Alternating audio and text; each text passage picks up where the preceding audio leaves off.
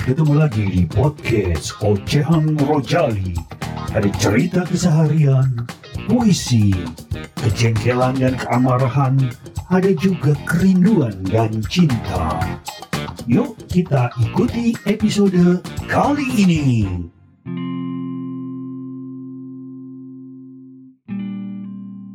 Ketemu lagi dengan Rojali kali ini. Rojali pengen ngoceh tentang dusta. Ada cerita tentang petinggi Nazi, anteknya Adolf Hitler yang bernama Paul Joseph Goebbels, pernah membuat pernyataan yang cukup kontroversial. Kebohongan yang diucapkan terus-menerus niscaya akan dipercaya sebagai sebuah kebenaran. Bagi Goebbels yang merupakan menteri propaganda Nazi, tentu kebohongan dibuat untuk tujuan politik. Kebohongan sengaja diciptakan untuk memanipulasi publik agar kepentingan politik Nazi dapat dicapai dengan mudah.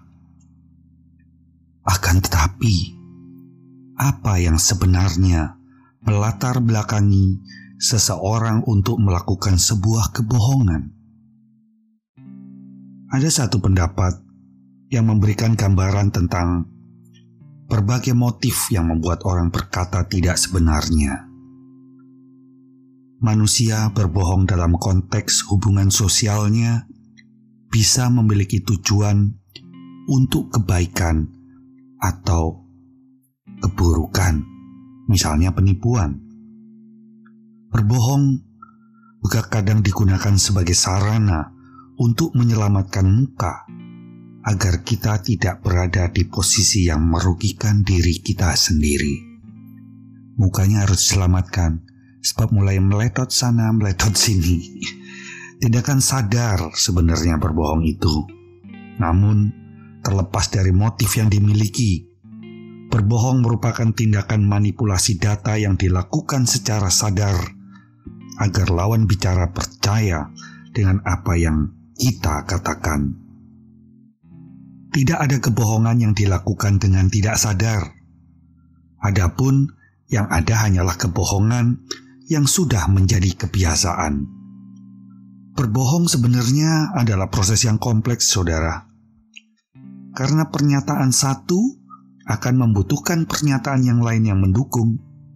Maka dari itu, gak heran jika satu kebohongan akan diikuti oleh kebohongan yang lain.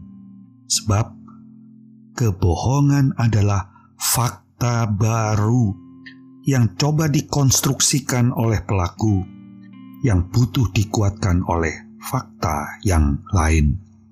Tanda seorang berbohong, misalnya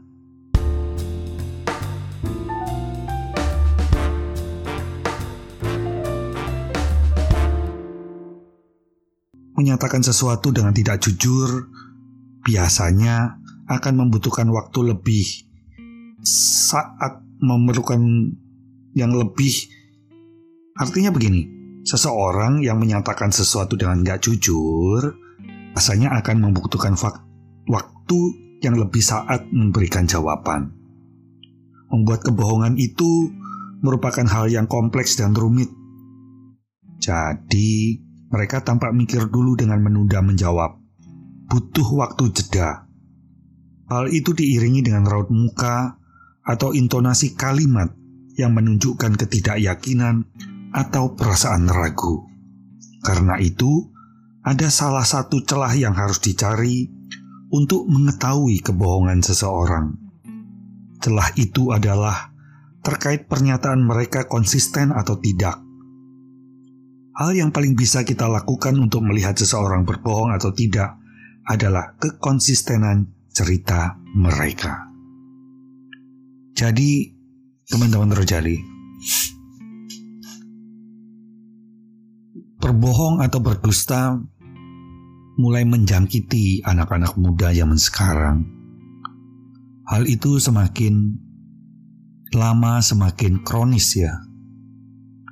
Maka buat gue orang berdusta atau nggak berdusta sama aja. Biarin aja mereka berbohong dan berdusta sesuka mereka. Bawalah kebohongan dan kedustaan ini hingga matimu. Gue gak ambil peduli. Kemarin-kemarin mungkin gue merasa tersiksa kalau merasa dibohongi. Tapi ternyata itu tidak menyelesaikan permasalahan dan segala sesuatunya. Oleh karena itu, buat kalian yang kecanduan berbohong dan kecanduan menjadi pendusta, silahkan berbohong dan berdusta sesuka-sukamu. Dan bawalah dusta itu ke dalam matimu. Sampai di sini dulu. Sampai ketemu lagi. Salam Rojali.